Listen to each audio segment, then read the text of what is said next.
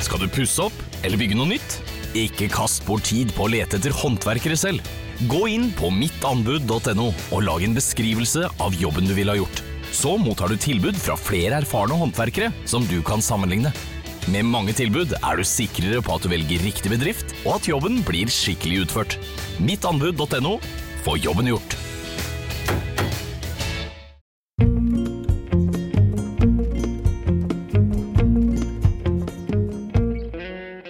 Audun Garthe ble dømt til syv års fengsel i norgeshistoriens største mafiarettssak. Nå mener han at politiet har jobbet sammen med hemmelige agenter for å forfalske bevis og få ham dømt. Dette er skyldig til det motsatte er bevist. En podkastserie i ti deler fra Avhørt. Del fem.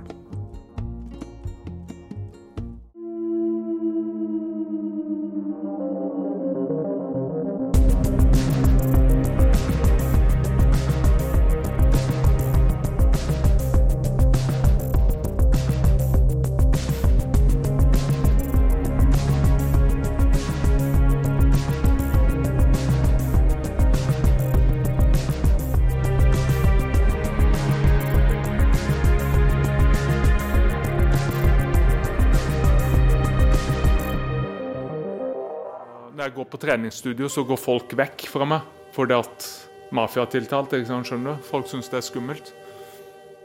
Og, og det er jævlig Audun Garthe, Tore Karlsen og Alf Henrik Christensen ble dømt for å ha forsøkt å smugle 50 kilo hasj fra Nederland til Norge. Audun tok på seg denne jobben fordi han ønsket å hjelpe Christensen med å nedbetale gjelden sin til bakmannen Metkel Betev. Det er ganske simpelt eh, skal jeg være helt ærlig, å hente 50 kilo hasj i Nederland. Jeg har mitt kontaktnettverk. Jeg kunne kontakta Sammen la de en plan for å lure BTV. De skulle nemlig aldri smugle denne hasjen, men snarere få det til å se ut som om de feilet. Gang på gang.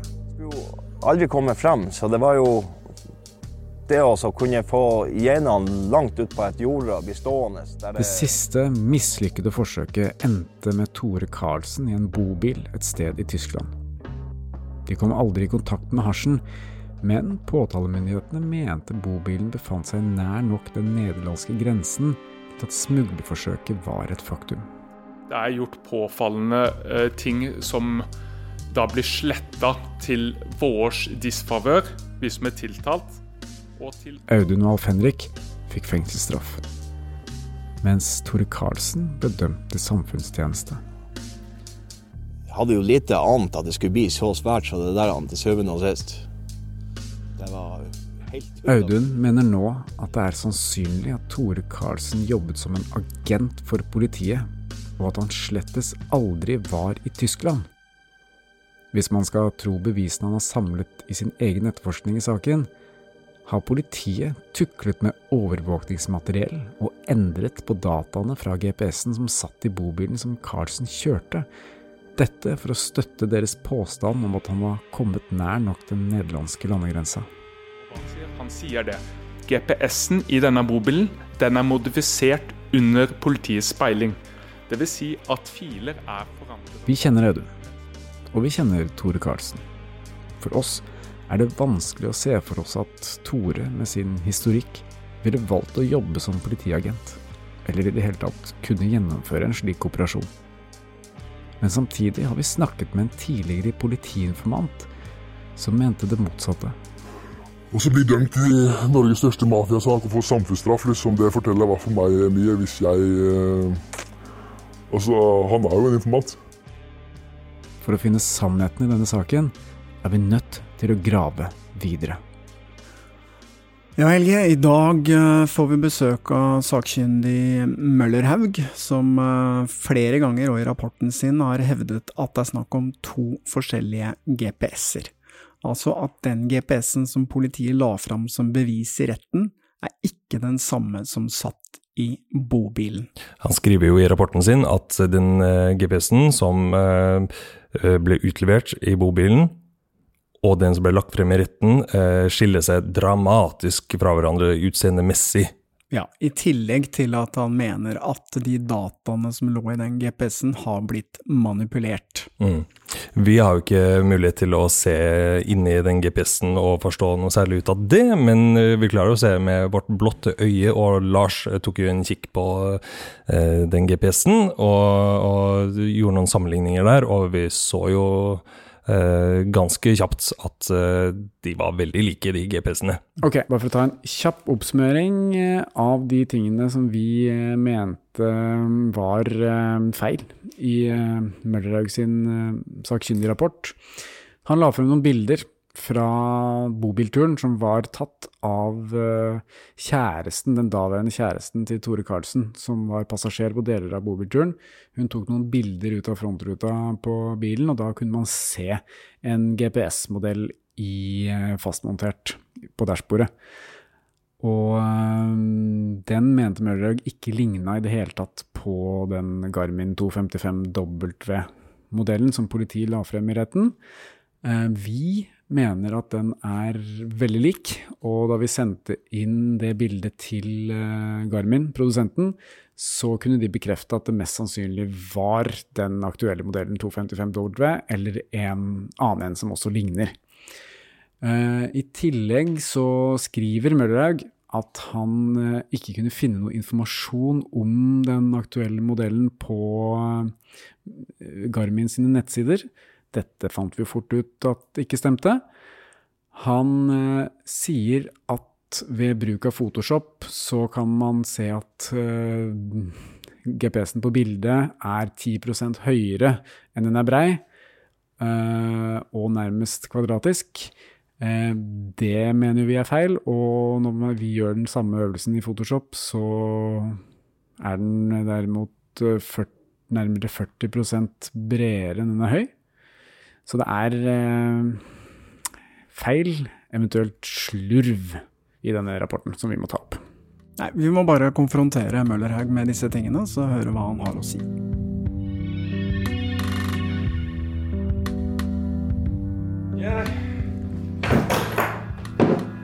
Velkommen tilbake.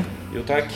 Det er en komplisert sak det er. Det er mange beviser og mange ting som Audun sender oss eh, fortløpende. Det er jo så mange detaljer at man eh, kan jo nesten bli litt sånn eh, oppgitt hvis man skal grave seg ned i eh, absolutt alt. Så det, det som er tilfellet, det er jo det at det er veldig mye bevis som foreligger i denne saken. Det har vært veldig mange påstander som i utgangspunktet har hørtes veldig urimelig ut. Eh, og så viser det seg da etter hvert at det blir støttet av fakta. Eh, Jeg vet ikke om Audun har sagt det, men jeg avviste helt og holdent i første møte at det kunne være noe bevismanipulasjon. Du gjorde det? Ja. Ja. Eh, Jeg kom inn her ut fra at advokat Mæland var den som kontaktet meg. Og han hadde lagt merke til at det var noe rart, uten at han visste hva det var på disse GPS-dataene. Og I den sammenhengen så gikk vi jo ganske grundig inn på å se om dette kunne være en feil med denne Garmin, og vi kjøpte jo også inn en Garmin GPS. Ha, har du med det Ja, jeg har med meg den, eh, nå har ikke jeg med meg den vi kjøpte inn. Du har med den faktiske som ble utlevert nei, mobilen, unnskyld. Denne her har ligget så lenge, så det er veldig dårlig batteri på den. Den virker bare når du har kobla den til strøm. Hvis man husker tilbake til det Tore Karlsen forklarte oss på telefon om GPS-en som satt i bobilen, så sa han at denne slo seg av og på i takt med tenninga på bilen. Hvilket samsvarer med det Møllerhaug sier her, om at den trenger strøm for å fungere. Jeg får den på her nå. Her står det. Garmin Nuvi 255W. Ja. Du øh, skriver jo i, i rapporten din at eh, den GPS-en som er avbilda på de bildene som eh, kjæresten til Tore tar, Ja. ikke kan være den her. Den ser ikke ut som den. Den ser ikke ut som denne. Nei. Og jeg har jo studert det bildet ganske mye. Hvordan har du gjort det, egentlig? Nei, Det jeg har gjort, er det at jeg har dratt det opp i Photoshop, og så har jeg telt piksler. Det er jo to ting som kan være i tilfellet her. Det ene er at den kan være strukket oppover pga. fortegning i linsa. Hvis den er Følger du med? Jeg skal prøve å hjelpe Møllerhaug litt her. Det han forklarer, er at han har brukt dataprogrammet Photoshop til å måle hvor stor GPS-en i bildet fremstår. Et bilde tatt med en mobil eller et fotoapparat vil alltid få ting til å se litt annerledes ut enn det er i virkeligheten, både fordi en linse kan vrenge bildet på en bestemt måte, eller et bilde tatt i en rar vinkel, ovenfra, under eller fra siden, kan få noe til å se ut som om det har en annen fasong enn den har i virkeligheten. Møllerhaug har altså brukt et måleverktøy i Photoshop, og når han måler størrelsen i GPS-en på bildet, får han ikke det til å samsvare med den GPS-enheten som politiet påstår satt i bobilen. Vi har prøvd det samme, og vi fikk et annet resultat. I rapporten så skriver du at uh, den fremstår 10% høyere enn den er bred. Mm. Ja. Kan, Lars, kan ikke du gjøre den samme øvelsen Mm, ja, eh, der er det litt, litt dårlig uh, uttrykk på dette. Uh, altså Poenget er det at den for, Jeg mente å skrive der at den forekommer meg at den er 10% for høy i forhold til bredden. I forhold til altså bildet i forhold til den enheten du sitter med der. Å ja. Eh, Ja. For, for det kan jo misforstås i Ja. rapporten. Det fremstår som om Det- at du mener at GPS-en som er avbilda på de bildene, er 10% høyere. Altså mer at den er høyere enn den er bred. Nei, nei, nei, nei, det er det ikke jeg mener. Det var i forhold til dette, og det var kanskje litt dårlig uttrykt. Nå er det lenge siden jeg skrev den rapporten. Ja. Men uh, undersøkelses Altså, jeg husker veldig godt hva jeg fant. Ja. Og det jeg fant, det var at uh, denne var uh, I forhold til den enheten der, så var den minst 10% og jeg mener jo at det ligger nærmere 20 ja. høyere enn den skal være. Minst 10% kanskje nærmere 20 Er ikke det en vesentlig forskjell, da? Men eh, poenget med dette var jo at dette var en veldig kjapp undersøkelse. Fra din side? Ja, altså denne, denne bildeundersøkelsen Ja. Er det ikke jo brukt så veldig mye tid på. Fordi at vi mente at det var såpass opplagt at dette kunne ikke være den samme enheten som det som var der. Men uh, du har brukt 32 timer på den rapporten? Uh, ja, det har jeg gjort. Ja. Ja. Vi har funnet en del bilder av denne Garmin GPS-modellen på internett, og flere av disse er tatt fra omtrent samme vinkel som bildet som ble tatt av Michelle i bobilen. Jeg henter opp disse for å sammenligne. Skal vi hente opp et uh, sammenligning, et bilde av den GPS-en som vi har funnet på internett, omtrent samme ja. Jeg drev, og, jeg drev og lette, og jeg fant noen med omtrent samme forhold på TomTom, men jeg fant ikke noe Nei. Men du mener at den uh, GPS-en som er avbilda her, Ja. på de bildene fra bobilturen, ikke kan være en Garmin? Nei, jeg mener ikke at det ikke kan være en Garmin. Jeg mener at det ikke kan være denne Garmin. Ok, Ja. for du har sagt på telefonen Ja, og at det- det var- ikke var en Garmin. La oss bare høre hva Møllerhaug svarte oss på telefon da vi spurte ham om nettopp dette i episode tre. Det er ingen Garmin GPS, det er eh, et annet fabrikkmerke. Ja, ok. Vet du hvilket? Jeg vil tippe at det er en TomTom. Eh, Så du kan altså 100 eh, avkrefte at dette kan være en, en Garmin? Det er ikke den Garmin-modellen.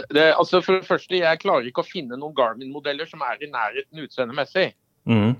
Det er jo det første. Eh, Det andre det er det at det er definitivt ikke den Garmin-modellen som, som ble speilet av politiet. Jeg tro, sa på telefonen at jeg trodde dette ikke var en Garmin, og det var basert på at jeg hadde funnet noen Ja. med omtrent likt utseende som var fra TomTom. Ja, ok. Men jeg har ikke fastslått at dette ikke er en Garmin. Det jeg har fastslått i rapporten, som er det du må gå ut fra, Ja. det er at den enheten som er avbildet på bildet her, ikke er den samme enheten som du sitter med i hånda. Men eh, jeg er faglig sett veldig interessert i å vite om hvilken Garmin dette her måtte være, eventuelt. da. Jeg kan også nevne at jeg ringte, jeg ringte til Garmin eh, på et tidspunkt i denne undersøkelsen her, ja. Og fikk ikke noe svar. De, Fikk du ikke svar, nei? nei. Nei, okay. Det var hele tiden noen som skulle ringe meg tilbake, og det kom aldri noe tilbake. Ikke... Oh, ja. Så jeg spurte konkret til Garmin om dette er, er dette en Garmin, og i så fall hvilken modell er dette. ja. Du skriver også i rapporten din at du ikke fant noe om den i modellen på Garmin sine sider. Jeg fant ingen modell som jeg fant og matchet på Garmin sine sider, nei. Det, det du skriver, er at du ikke finner den konkrete modellen 255W. Uh, men det finner man jo med en gang man søker på Ja, hva er det, Kan du lese opp det fra rapporten min? Skal vi se. Mesteparten av den tiden på den rapporten gikk jo med for så vidt på innsamling av bilder og verifikasjon av disse. Bare så det er sagt. Eh, Her, på Garmins websider finnes det ikke lenger bilde av en Garmin Nuvi 255W, skriver du i rapporten. ja. Det er interessant å se hvordan Møllerhaug reagerer på de tingene vi legger fram for ham her. Vi har fortsatt ikke fortalt ham at vi ikke hadde noe problem med å få tak i noen hos Garmin som kunne bekrefte at dette mest sannsynlig er den samme modellen, men det venter vi litt med. Det vi ser, og det du også kan høre, er hvordan han blir mer og mer usikker i måten han legger fram sin egen informasjon på.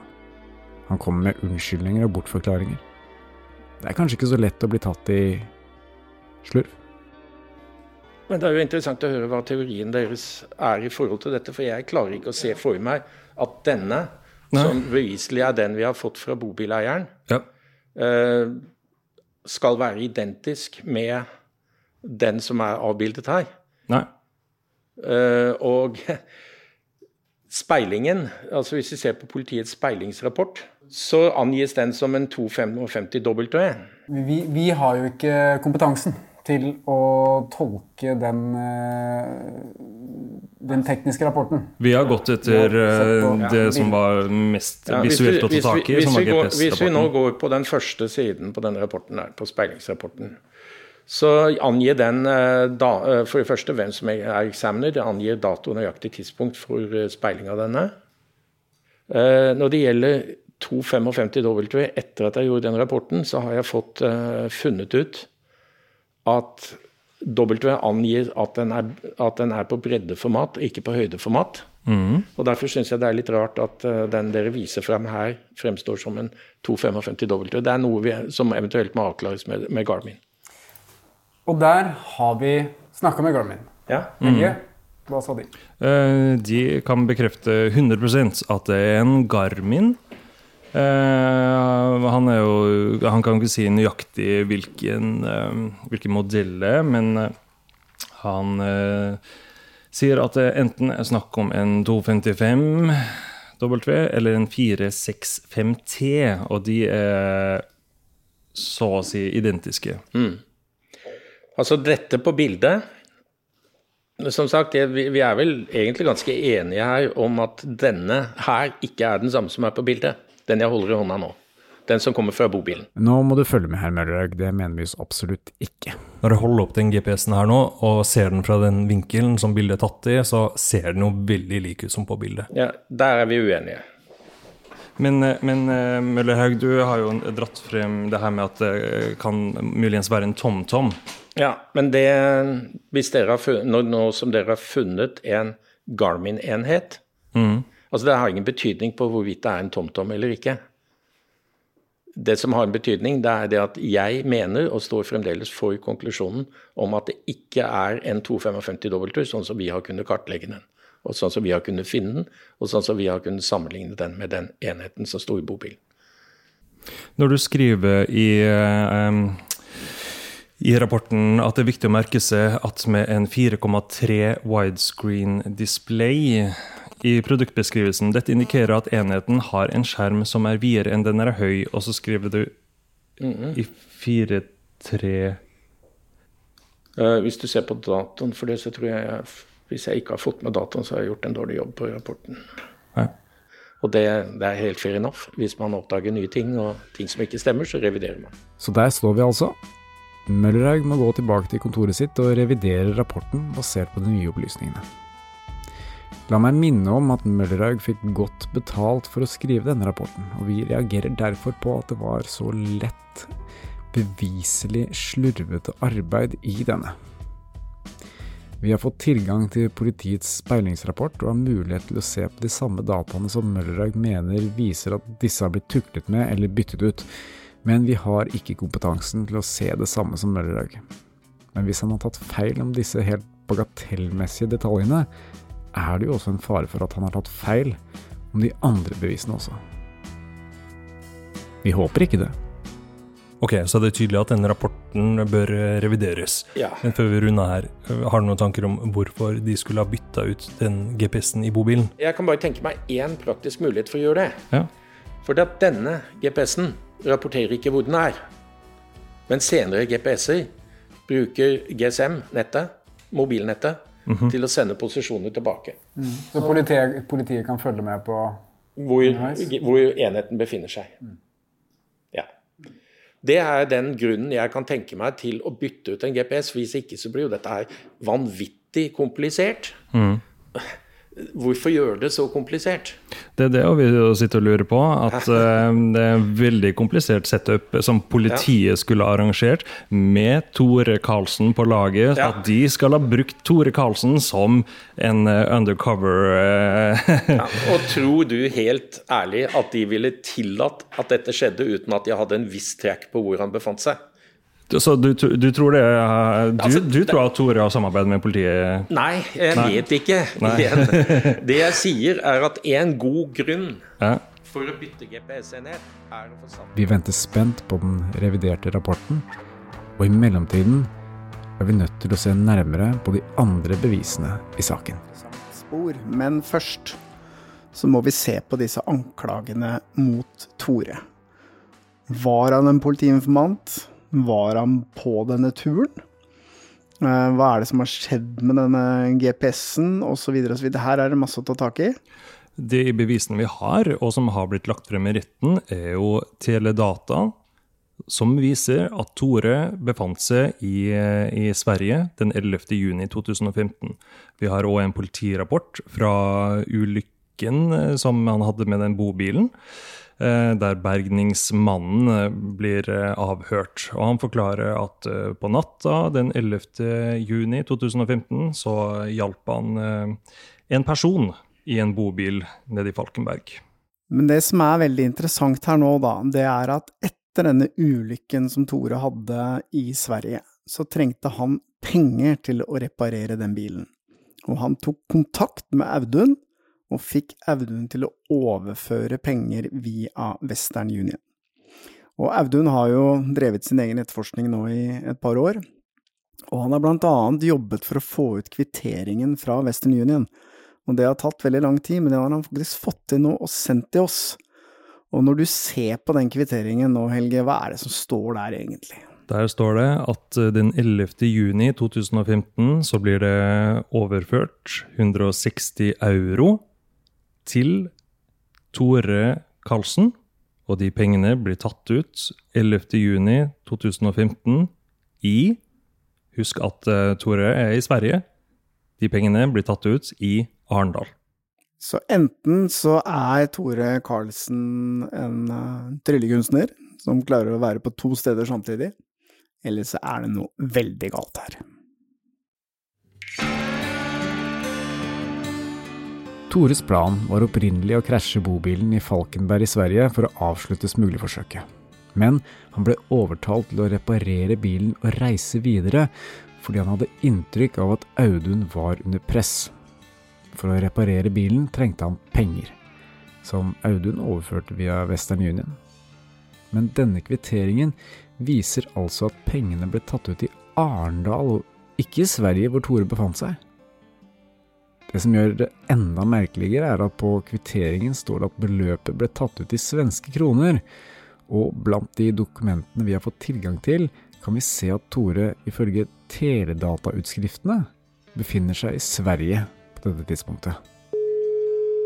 Vi tenker det er på tide å ta en prat med Tore igjen. Hallo, Hallo, Tore! hei sann. Eh, Den 11. juni 2015 Ja? Altså, det er vel den dagen som du var nede i Falkenberg og kolliderte, ikke sant? I- Ja, det kan, kan jeg, nå har ikke noe oversikt over det, for jeg klarer ikke å huske datoen, men Nei. det kan jo godt ha vært. Ikke sant? Men om det ikke var riktig dato, så husker du kanskje at du eh, måtte få en pengeoverføring fra Audun Garthe? Ja, det var ikke for senere på, eh, på, på eh, dagen. Det var dagen etter. Det var ikke fra Audun Garthe, det var fra møtet. Det var fra, fra din mor? Ja. Hvor- Hvordan overførte hun de pengene? da? Hun overførte pengene fra en konto som hun har til min konto, sånn at jeg fikk tatt ut det med Øresundbrua. Men når var det du fikk penger fra Audun, da? Jeg fikk penger fra Audun dagen etter der igjen. Så den tolvte? Tolvte, med andre ord. Altså mandagen, da, eller? Ja. For det som er greia nå, er at vi har eh, mottatt fra Western Union en, Ja. en, en sånn her eh, kvittering på at det har blitt, ble satt inn eh, 160 euro den 11. juni 2015. Eh, ja. Og der står det på receiver Tore Dybdahl Karlsen.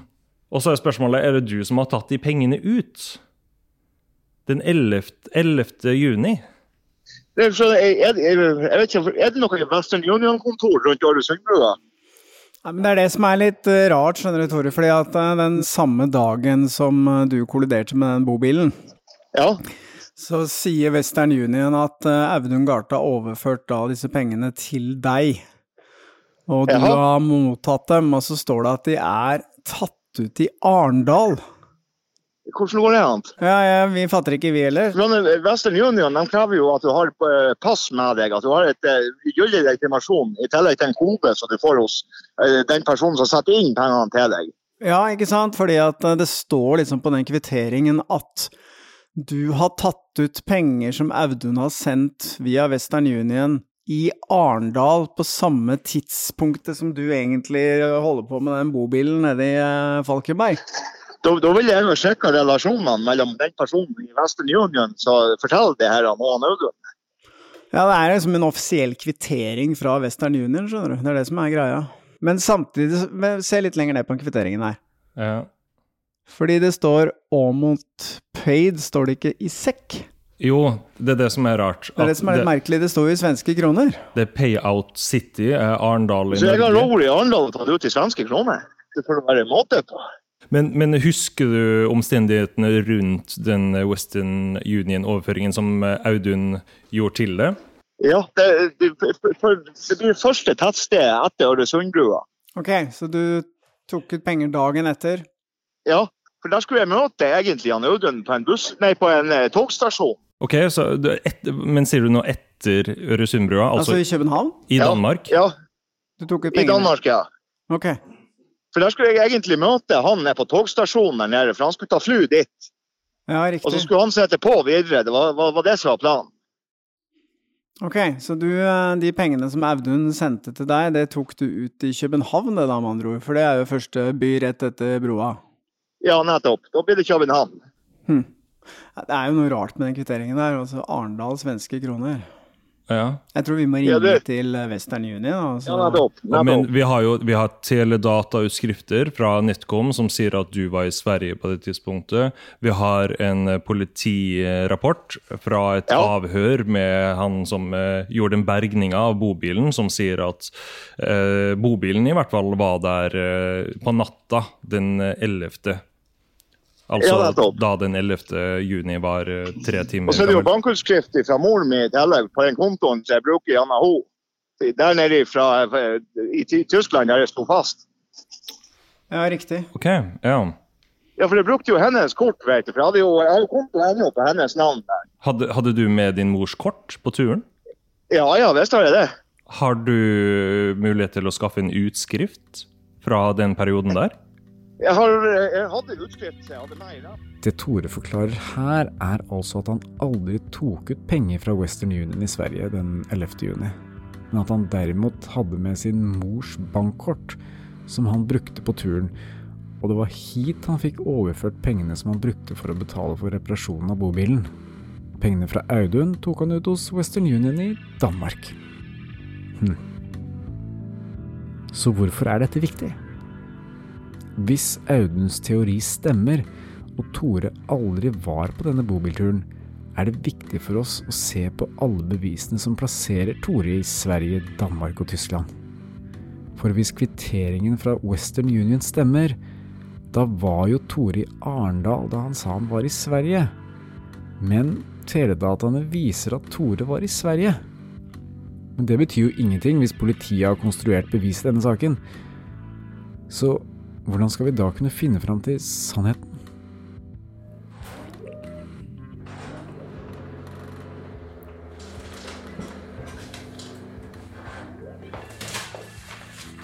Right. Her har vi det, altså. Her er altså kontoutskriftene. Mhm. Det har vi omsider fått uh, tak i. Og det er da fra kortet til moren til Tore, som Tore da brukte på turen. Ja. Og hva står det, Helge? Her er det en oversikt over transaksjonene transaksjoner som har foregått mellom 1.6.2015 og 30.6.2015. Og her ser vi på de datene som er interessante for oss. da. Det er jo 11. til eh, 15. 15. juni. Og her ser vi jo på den 13. for eksempel, så er det et eh, uttak på Aral stasjon i euro. Og det nærmeste landet som eh, potensielt har vært på den turen, som eh, bruker euro, er jo eh, Tyskland. Ja, og så ser vi at den 14. i så er det tatt ut penger på Shell Osterholzer Herstrasse. Og Det er i hvert fall i Tyskland. Ja. Ja. Og Aral stasjon, det er små beløp. Det er 10 euro, 5, 18, 2, 14 og ja, Shell. Det er tyske, tyske bensinstasjoner. Og det underbygger jo Tores forklaring om at han eh, drev med den her eh, bensinfyllinga si.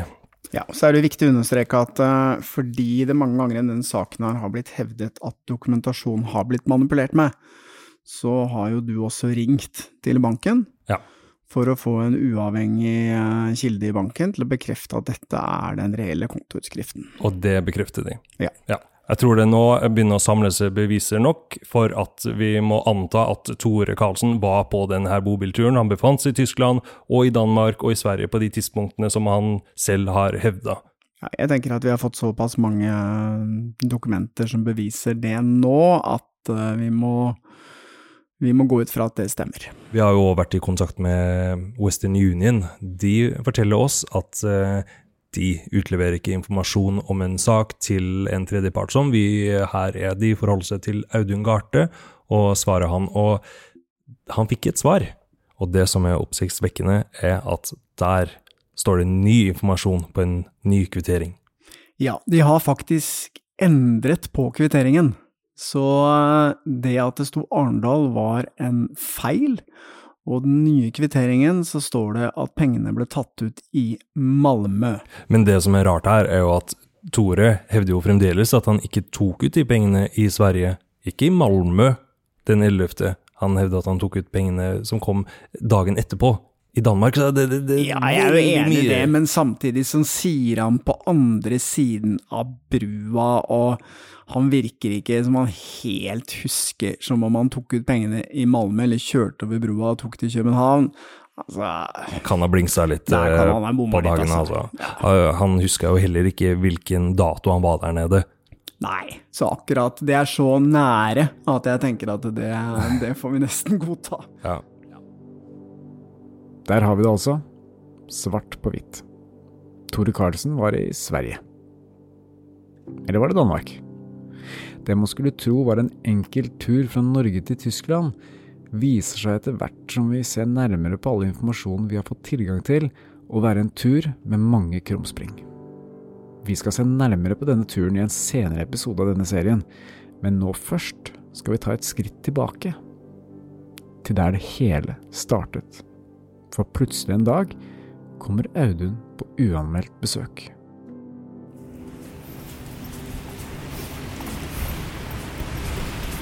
Ok, nå kommer Audun her. Åpner bagasjerommet. Der har han et eller annet som eh, han mener vi skal ha interesse av.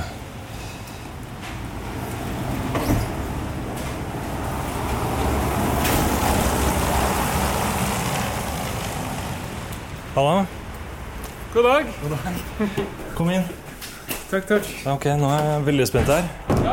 Hva skjer? Audun, uh, ser du har med deg noe greier her? Nå er vi spent på hva det er for noe. Eh, Jeg har med meg en bag og en jak jakke her. Seiljakke. Ok. Eh, Egentlig så har det en litt bakgrunnshistorie når jeg, når jeg forsto hele saken. Hvordan den var bygd opp med det jeg mener er politiets informanter, da, som har blitt sendt inn på meg. Når vi skulle på disse seilbåtturene, som danner da forsøk 1 og 2, han jeg mener har en vesentlig rolle fra politiet, som lokka meg inn i saken. Det er jo han personen som vi har snakket om, og som satte deg i kontakt med Alf Henrik. Ja, Han, øh, han var med på seilbåttur nummer én. Politiet observerte dette. Allikevel, de, han har ikke vært innkalt til et avgang, bare tatt helt vekk. Seilbåttur nummer to, når han trakk seg unna, så var jo jul i gang sant, for disse miljøene i Oslo. Og du hadde blitt trukket inn i saken. Ja. Du var ikke involvert på seilbåttur nummer én. Nei. Så politiet trekker da ut det, den som på en måte har satt i gang. Det er jo politiet da sjøl, hvis dette her viser seg at det er politisk informant, noe jeg mener er 100% Så blir han trukket ut, og jeg trukket inn. Og jeg må på en måte ytterligere vemme han Alf Henrik. For hvis ikke så står han jo der aleine. Ikke sant? Uh, og da blir jo jeg med på da seilbåttur nummer to. Uh, og når vi skal, rett når vi skal i gang og seile, da skal vi bare være borte en, en halv dag, en dag, før vi kommer tilbake igjen, bare for å seile litt for å vise at vi har gjort et forsøk. Et bølleforsøk. Og da kommer han med to ting, løpende. Han kommer med en vannsikker bag, en svart en, og han kommer med en Hellige Hansen-jakke. Ok. Så han var med på den første uh, båtturen, Ja. og så kommer han og gir dere Det er en helt ny jakke. En helt ny jakke som vi fikk. den, altså Denne koster jo flere tusen. Og jeg tenkte ikke der og da hvorfor gir han oss dette? Og jeg tenkte jo OK, greit. Uh, ja, han typen som uh, brer seg rundt med gaver? Gjerrigknagg nummer én. Han ville spurt om, om du hadde lånt en femkroning av han, så skulle han hatt den tilbake etterpå. Så hvorfor kom han da med jakker, vanntette bager til flere tusen? Og, og det, Ja. det som kanskje er veldig interessant her En måned seinere så kommer jo undercover-agenter, danske, som frakter narkotikaen til Norge. De har nekta retten å si hvordan de utførte denne ja, Altså, politiet utførte denne smuglinga. Det vil de ikke svare på. Eh, Så det har jo vært en sånn gjettelek for oss andre liksom, hvordan den kom hit. Men de bagene er Helly, Helly Hansen-bager. Blant annet vanntette Helly, Helly Hansen-bager. Ja, og det er en sånn bag som du har her nå. Altså, det er lik type. Ja, Det er et annet merke, men jeg kjenner jo til den der Helly Hansen Ja. Eh. Og uh, her har du da Helly Hansen-jakke. og så har du vanntett den samme type vanntette uh, bag. Ja, altså At de der danske UC-agentene smugler hasjen inn til Norge i en sånn type bag, er jo kanskje ikke så rart. Det som er veldig rart her, er hvorfor skal komme og gi dere de, de tinga her? Ja. For det at som, uh, som blant annet eh, vi, vi skulle være ute da maks et døgn, og så tilbake igjen. Kjørte til Kristiansand, utafor kysten og tilbake igjen. Så hvorfor kommer han og gir dette? Altså, Vi ble overraska og bare, bare Nei, vi trenger ikke altså, altså, Jo, jo, bare ta det. ta det, Nå har jeg kjøpt det og sånne ting. Nesten bare Og han påtvingte det på oss, nærmest. Det jeg tror, kan det ha vært noe sporing i tøyet for å ha kontroll på hvor vi er til enhver tid. Har du sjekka det tøyet og bagen for sånne ting? Jeg har prøvd å sjekke bl.a. Eh, sekken. Den er jo helt, altså, den er jo helt ubrukt. Nå har den ligget i en kjeller siden 2015. Så du ser jo, men du ser jo at jeg har jo ikke, den er jo ikke brukt. Ja, Den ser jo helt ny ut. Ja. Og hvis denne jakka da er kjøpt av politiet, som jeg hevder, da, via, og gitt via sin politiagent, så er det mitt bevis for at politiet har trukket meg inn i saken. For i dommen min så står det at det er denne som får meg inn i denne straffesaken, kommer til meg og sier at vennen sin, Alf Henrik, har problemer. Og da blir jeg kobla inn. Og han kom, han oppsøkte meg på kontor og sa at eh, vennen hans trenger hjelp. Og jeg avviste han tre ganger. Fjerde gangen så ble jeg med han. Så hvis det er sånn, så er det politiet som har sendt han fire ganger for å påvirke meg inn i saken. Og når han da har satt i gang saken med å være med på første seilbåttur, og, og så trekker han seg unna, så vil det jo si at, jeg indre, at de har fått meg inn i denne saken på en uh, veldig dårlig måte, da. Hvis og Tore er politiinformanten i saken, så vet også politiet at dette var et skuespill fra første stund. Da gjør seg, politiet gjør seg skyldig i et alvorlig, grovt lovbrudd. For da vet de at det er et skuespill. Allikevel så dømmer de oss til mange, mange års fengsel. Jeg tror eh, vi nå må komme i kontakt med den her eh, Kan du hjelpe oss med det? Jeg skal gjøre mitt beste. Jeg skal få tak i telefonnummeret og forsøke å, å oppsøke vedkommende. I hvert fall de rundt ham. Og få ham til å stille opp. Etter at Audun drar fra kontoret, kikker Stein Morten og Helge nærmere på jakka. Altså, den, den ser jo helt ny ut, den jakka her. Jeg tror ikke Audun har brukt den. En helt ny, vanlig Heli Hansen seilejakke. Som Men det er jo veldig spesielt. Hvorfor skal han komme og gi de den jakka? Nei, altså, det er litt sånn han ville ikke ha noe med de greiene å gjøre. Han bare satte Audun i kontakt med Alf Henrik, og så skal han plutselig komme trekkende med masse utstyr til seilbåtturen. Det høres litt rart ut. Altså. Uh, Audun sier jo òg at baggen, den bagen her er identisk med de bagene som politiet brukte til å smugle hasjen inn til Norge. Det stemmer jo ikke. Dette er jo et helt annet merke. Det var Helly Hansen-bager som ble brukt da. Uh, skal du prøve jakka på? Ja, ok. Den XL, den passer jeg kan... Shit, ass. Den er stor, men den passer Audun, da. Klar for å seile, du nå? Det syns jeg. De har vel sjekka alt av Han har Hva er det her for noe? Post-it-lapp. Hva står det? Et telefonnummer? Se. 4073 Hva står det? Ikke noe mer, da. bare telefonnummer. Skal vi Han, ringe? han, han har jo ikke sjekka Eller, eller så må han ha brukt den i etterkant. Og så er det han eller Martha eller noe sånt som det nummeret er knytta til. Vi må jo ringe det nummeret. Vi må jo se hvem uh, som svarer. Du, det her høres nesten staged ut. Fy fader. En krøllete, liten, gul Post-It-lapp med et telefonnummer skrevet med kulepenn. Det kan tilhøre hvem som helst. Vi gjør et søk på nummeret, men det gir oss ikke noe resultat. Da er det bare én ting å gjøre.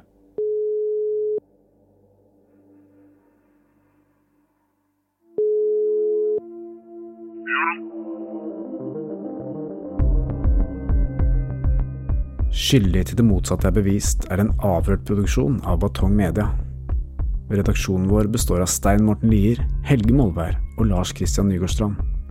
Temamusikken vår er laget av Altered States, og du finner oss på Facebook som Batong Media.